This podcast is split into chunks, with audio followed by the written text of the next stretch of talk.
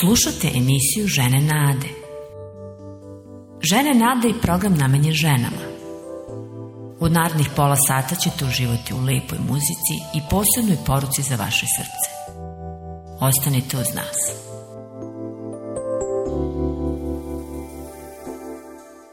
Pozdrav Biljo. Izvini, kasnim koji minut, ali morala sam da odem do komšinice Nade i pomognem joj. Ma bez brige, Tanja, u redu je, uopšte ne kasniš. Nego šta se dogodilo? Da li je sve u redu? Ma jeste, barem ona, ali njen mališan nije. Baš se uzbudila, zato sam odlučila da odem do nje jutros i pomognem joj, ne bi li se malo smirila. O, znači nešto ozbiljno u pitanju. Ne, ne, nije, Bogu hvala, ali znaš već, to joj je prvo dete i sve joj je nepoznato dok joj sinčić odrasta. Da, ali manje više sve smo u tome, rastemo i menjamo se.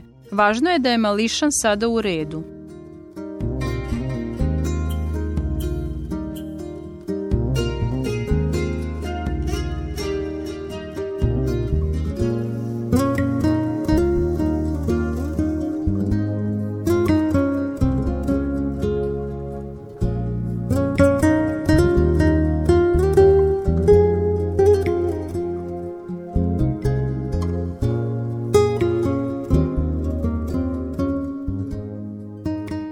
Dobrodošla u program Žene Nade. Vreme je za još jedno naše druženje. Ja sam Bilja. Tanja, nastavi nam priču o tvojoj prijateljici i njenom sinčiću. Da, desio se mali incident, pad koji mnoga deca ne mogu da izbegnu dok se uče hodanju, ali Deran je pao nezgodno na bradu i zagrizao jezik, zbog čega se mama sasvim izbezumila od panike. Uh, razumem. I sama sam jednom tako zagrizla jezik. Nisam ni znala koliko to može da bude nezgodno. Ni naredni dani mi nisu bili prijatni. Da, razumemo Nadinu frustraciju. Bila je preplošena ne znajući šta da radi. Uzela je čistu krpu i držala mališanu na jeziku dok krvarenje nije prestalo. Nije htela da mu povređuje to mesto, pa mu nije prala zubiće nekoliko narednih dana – Hranila ga je samo kašicama, supicama, miksanim povrćem i mlekom na flašicu. Ali ako se sve dobro završilo, zašto se toliko uzbudila? A, zato što je mali plakao sve vreme. Nije hteo da jede, da pije, a tek je progovorio tata, mama i sada mu se ni to nije dalo. Uh, jadna nada. Kao majka je sasvim razumem. Svakako joj je bilo grozno. Verovatno je mislila kako je sve do nje, da ga nije pazila, da je mogla bolje. Baš je tako rekla. Krivila je sebe neprestano ponavljajući kako sam ja glupava majka. Moje drago čedo me sada mrzi. Uveravala sam je da je to nezgoda, da se to dešava. Ohrabrila sam je da ode lekaru, što je svakako i nameravala. Da, to je uvek dobro u takvim situacijama.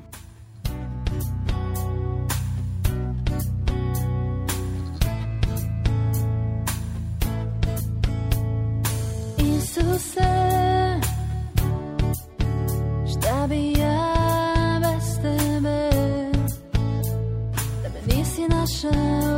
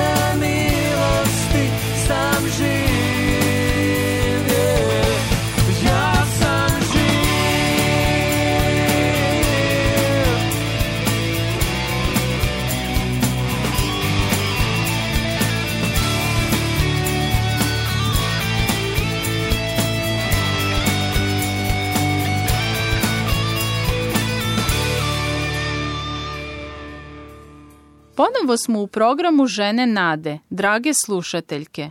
Danas govorimo o važnosti jezika i značaju izgovorenih reči. Baš je lepo što smo ponovo zajedno. Naravno, zbog ovakvih povreda dobro je što je Nada odvela Sinčića doktoru, jer moguće je infekcija, za to je potrebno lečenje. Elem, mnogi od nas misle da su zubi ono najvažnije u ustima, To je zato što ne uviđamo koliko je jezik važan. Iskreno, o svom jeziku sam najviše razmišljala onda kada sam ga nehotice zagrizla. Bilo je užasno. Svakako. A znaš li zašto? Često nam jezik radi pre pameti, kako se to kaže, pre nego što razmislimo. Jezik je nezaobilazan za žvakanje jer prebacujemo hranu zubima u svaki deo usne duplje i sve to vreme preko njega osjećamo svaki ukus, svaku nijansu slanog, slatkog, kiselog, ljutog. Mmm, onda je moj jezik podešen samo na slatko. Kako samo volim čokoladu. Ali nije sve u hrani, u žvakanju i ukusima. Bez jezika ne bismo ni gutale. On gura sažvakanu hranu u jednjak. Kažem, to je organ koji nikada ne miruje. Čak ni noću kada stalno gutamo pljuvačku. Jezik je prepun nervnih završetaka i kapilara, zato je tako bolno kad ga zagrizemo. Ali zašto ga je bolelo tako jako i nakon nekoliko dana? Zar ne bi trebalo da mu je već bolje? Jeste, trebalo bi. Nada je mislila da dobro radi što ga nije terala na pranje zuba, ali to nije ono što bi mu najviše naškodilo. Stvarno? A zašto? Mislim na bakterije kojih inače ima više tipova, posebno na one koje nam žive u ustima. Neki od njih smekšavaju hranu kako bismo je gutali, ali većina su takozvane loše bakterije. Kada nas bolest načne, tada nam imunitet klone, te one pokreću razne upale. Dakle, kada Nada nije htela mališi da pere zube, nije mislila samo na jezik, koji bi mogao da mu se povredi. Upravo tako. Kada loše bakterije krenu u pohod na ostatke hrane u našim ustima, proizvode tvar koja svaku ranicu iritira u najmanju ruku. Zato da kažemo u čemu su male pomoći kada se našoj deci ili bilo koje od nas dogodi ovo upravo što se dogodilo Nadinom sinu. Isperite usta koliko možete mlakom slanom vodom. So je dobra za ubijanje loših bakterija. Perite zube i jezik svakodnevno nakon svakog jela što mekšom četkicom. Ako vam četkica nije pri ruci, upotrebite čistu tkaninu. Istrljete njome zube od korena ka vrhu. Jezik čistite blago da ga ne biste povredile. Maloj deci jezik očistite takođe čistom tkaninom. Nakon bilo kog načina čišćenja zuba i jezika, isperite usta čistom vodom. Hvala ti Tanja za ove savete oko nege zuba, a posebno jezika. Dakle, Bez ovog organa ne bismo mogle da žvaćemo, gutamo, probamo hranu. Naravno, bez jezika smo neme, zato treba da ga čuvamo i svakodnevno negujemo. Tako je. Otići ću kod Nade da joj još jednom kažem da nije loša majka, jer je uradila ono što je mislila da je najbolje. Sada sledi malo muzike, a posle će nam Tanja reći i nešto o tome kako naš jezik može da bude opasan.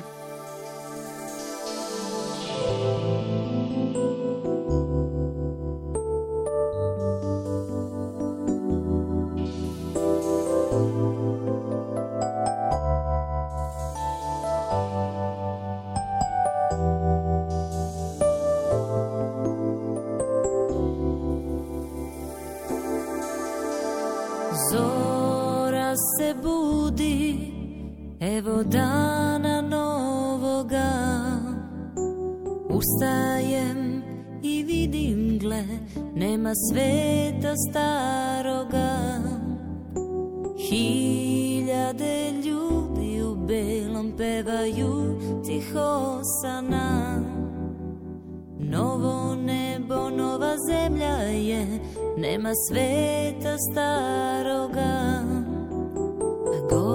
gospodje tu Dugo čekala sam te Gospodje, tu Sve stavlja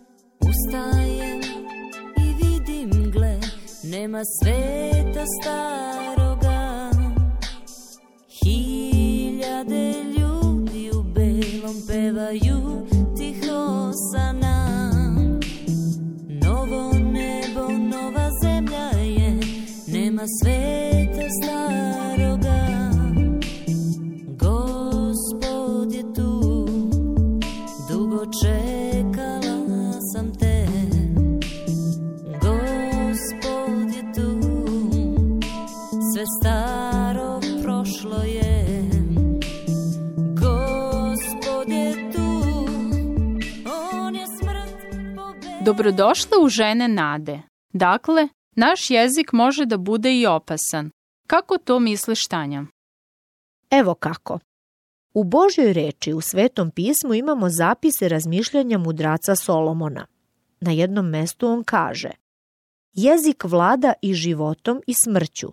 Koga voli ješće njegov plod. Priče Solomonove 18.21. Dakle, Ono što govorimo sebi i o sebi, drugima i o drugima, ima snagu života ili smrti. Reči nas ili leče ili nanose štetu. Znači, Nada nije nimalo pomagala sebi optužujući se da je loša majka, da je glupa. Upravo tako. Ako bude u tome istrajala u takvim proklamacijama o sebi, počeće i da veruje sobstvenim rečima, verovaće da je nesposobna i neodgovorna. A kada jednom poverujete u nešto o sebi, počinjete tako i da postupate. Tako će razmišljati i govoriti i kada joj se sledeći put sin bude povredio. Isto je kada i neko drugi govori loše o nama. I danas se sećam jedne drugarice iz škole. Bila je najmlađa među nama i nekako joj je uvek trebalo najviše vremena da nešto radi i da reši zadatke. Učitelji i nastavnici bi često gubili živce sa njom i govorili bi joj Požuri malo, glupa si i spora kao kornjača. To bi je baš pogodilo, unervozilo. Zbog toga bi plakala i postajala još sporija u radu. Ali naredne školske godine došla nam je druga učiteljica. Imala je volje i želje da je razume i pomogne joj. Govorila bi joj, ma samo polako, bez žurbe, Kada uradiš, znam da će biti dobro. I znate šta se dogodilo? Ona je zbog toga postala znatno brža, kadra da drži korak sa ostalom decom. Dobila je daleko više samopouzdanja. Hvala ti na ovom sjajnom primeru koji ističe pouku Božje reči. Ono što govorimo drugima zaista može da ih povredi ili da ih izgradi. A često premalo razmišljamo o onome što govorimo i šta te reči čine. Znam to dobro po sebi. Imam brata i dve sestre. Dok smo bili mali, jedni drugima smo govorili jako loše stvari, možda kao većina dece. Mama se ljutila zbog toga pa bi nam govorila ako nemate šta lepo da kažete jedni drugima, bolje je da se ugrizete za jezik i ćutite. To je baš dobar savet. Jezik je stvoren da govori lepo i dobro, a ako ne čini to, Zagrizimo ga. Nadin Mališa nas je podsjetio da bolan jezik ćuti, miruje. Zato je slika ujeda za jezik vrlo poučna. Nego Tanja, reci nam nešto. Znaš, priznajem da sam se godinama mučila s jezikom. Često bih dospela u nevolju jer bih svašta rekla ljudima.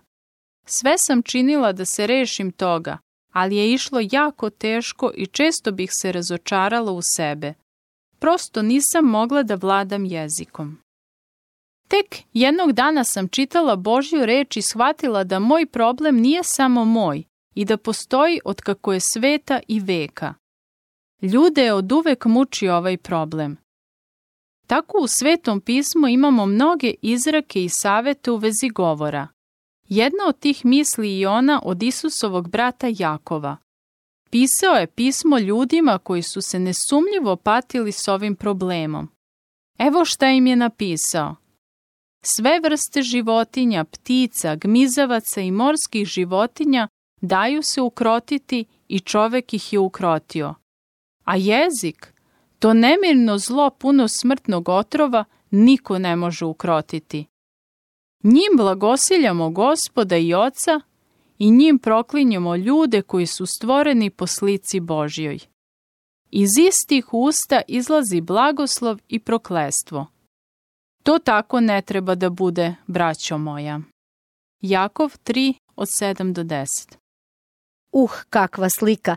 Pa naš jezik je kao divlja zver koja se kroti. Divna slika nečega što može druge da povredi. Mislim da nema čoveka na svetu, ni bilo koje žene nade koja nas sada sluša, a da se donekle ne muči sa ovim, sa jezikom i govorom. Slažete li se sa tim? Bogu hvala što ta muka ima leka i što nismo prepuštene sebi. Kada sam pre dosta godina čula o Isusu, o tome da je lekar nad lekarima, naučila sam i sledeće. Mogu da mu budem bliska. Zamolila sam ga da dođe u moj život. Doživela sam koliko je moćan, da može ono što mi je nemoguće. Priznala sam mu da imam problem s jezikom i on mi je pomogao. Prošle su mnoge godine od tada i još uvek mi pomaže. Zauzdava mi jezik.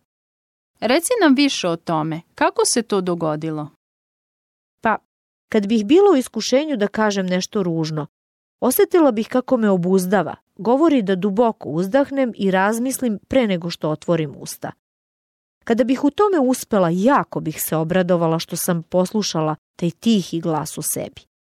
Radovalo bi me što uspevam u dobru, što mogu da se obuzdam, stanem i ne kažem ništa loše. Šta više, tada bih rekla nešto dobro i lepo. Naravno, nije uvek bilo tako i nije nikada lako. I danas grešim jezikom, ali odmah to uočim i zaboli me. Posebno želim da se izvinem onima koje sam povredila. Znam da je rečeno kao strela koja se ne vraća, ali znam i da je toj osobi lakše kada iskažem žaljenje zbog nanete povrede. Moj sagovornik zna da nisam istinski mislila to što sam rekla, da nisam dobro promislila to što sam kazala. Isus zna koliko mi je bilo potrebno vremena za ovakvu životnu promenu. Rado mi prašta ako mu se rado otvorim i ispovedim greh. Onda mi daje snagu da nastavim dalje. Uvek je tu da mi pomogne. Iskreno, mogu da posvedočim kako danas bolje vladam jezikom. Hvala ti, Tanja. Tako je dobro znati da je Isus voljan da nas čuje, razume i pomogne nam u svim okolnostima nema na čemu. Ako želite da saznate više o Isusu ili biste da podelite nevolje koje vam jezik ili bilo šta drugo pričinjava u životu, javite se na adresu Žene Nade, Poštanski pregradak 37, 11060 Beograd ili na telefon 062 396 331.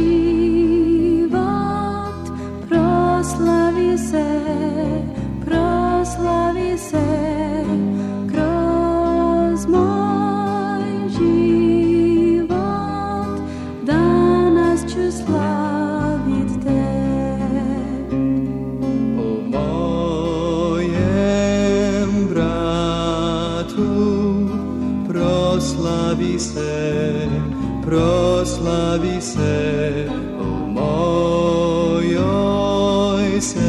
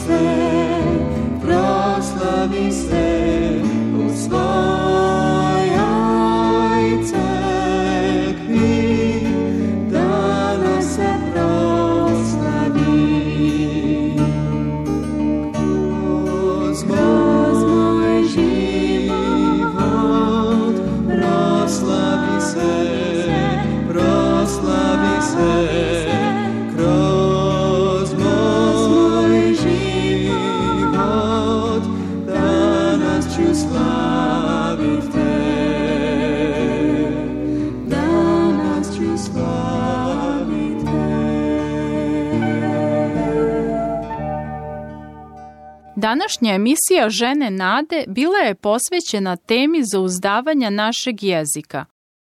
Čitali smo i Božju reč koja nam poručuje Jezik vlada i životom i smrću. Koga voli, ješće njegov plod. Priče 18.21 Ako je jezik i vaše iskušenje, znajte da niste same. Mnogi od nas se muče u govoru – ali znamo da je u Isusu jedina snaga koja pomaže.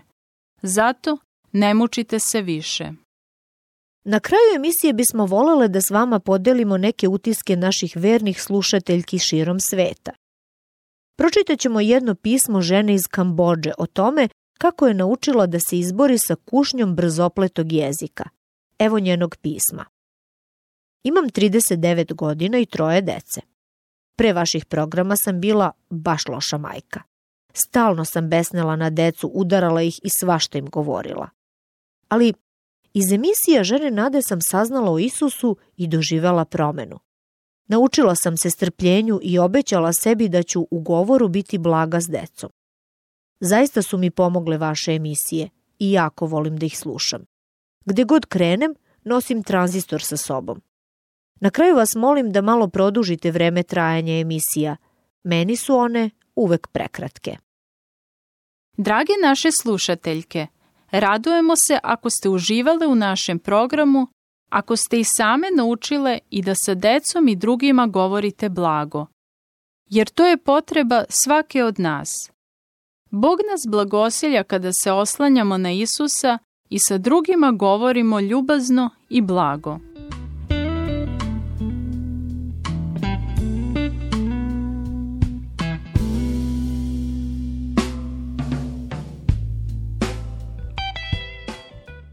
Pre same odjave daću ponovo reč Tanji da bi nam rekla nešto o molitvi.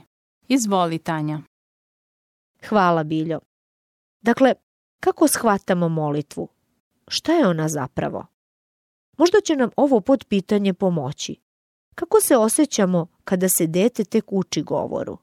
Neke reči mu idu, jasne su, a neke još ne razumemo. Ili kada želi nešto da kaže, a ne zna kako, pa pokazuje prstićem ili nas grli ili plače. Nijedna od nas ne zamera detetu da tim pokušajima, na tepanju, gugutanju, na greškama, jer volimo svoje čedo i rado ga slušamo. Šta više, mi uživamo u tom njegovom govoru. A da li se i same osjećamo kao tepava i mucava deca kada razgovaramo s Bogom? Možda nas tada boli što nemamo prave reči da se izrazimo. Ali znajte jedno, Molitva je govor srca i dijalog kada govorimo Bogu i s Bogom. Nisu nam potrebne posebne specijalne reči. Bog nam je otac koji nas voli. Želi da nas čuje, da nas sluša kada mu govorimo iz srca. Zato je najbolji način molitve kada se molimo. Ne moramo sve da razumemo u svom odnosu, zar ne? Ni meni baš nije jasno kako sve u ovom studiju funkcioniše ali sada da pred mikrofonom znam jedno. Govorim vam od srca. Dakle, molitva je molitva kada baš tako govorimo Bogu. On to vidi, on to čuje i rado nas sluša koliko god mucale, jecale, ćutale ili sipale bujicu reči. Nema pravih reči za pravu molitvu. Zato se obratite Bogu u takvoj molitvi baš sada. Verujte razumeće svaku vašu reč, pa i one koje ne iskažete, koje prećutite. Hvala ti. Na posledku vas podsjećamo da ste dobrodošle s pitanjima, opažanjima, predlozima. I ne zaboravite, Isus ima snagu da vam srce i usta ispuni pravim rečima za svakoga. On ima lek za naš jezik. Do slušanja. Pozdrav do sledeće emisije. Bog neka vas blagoslovi. Čujemo se uskoro.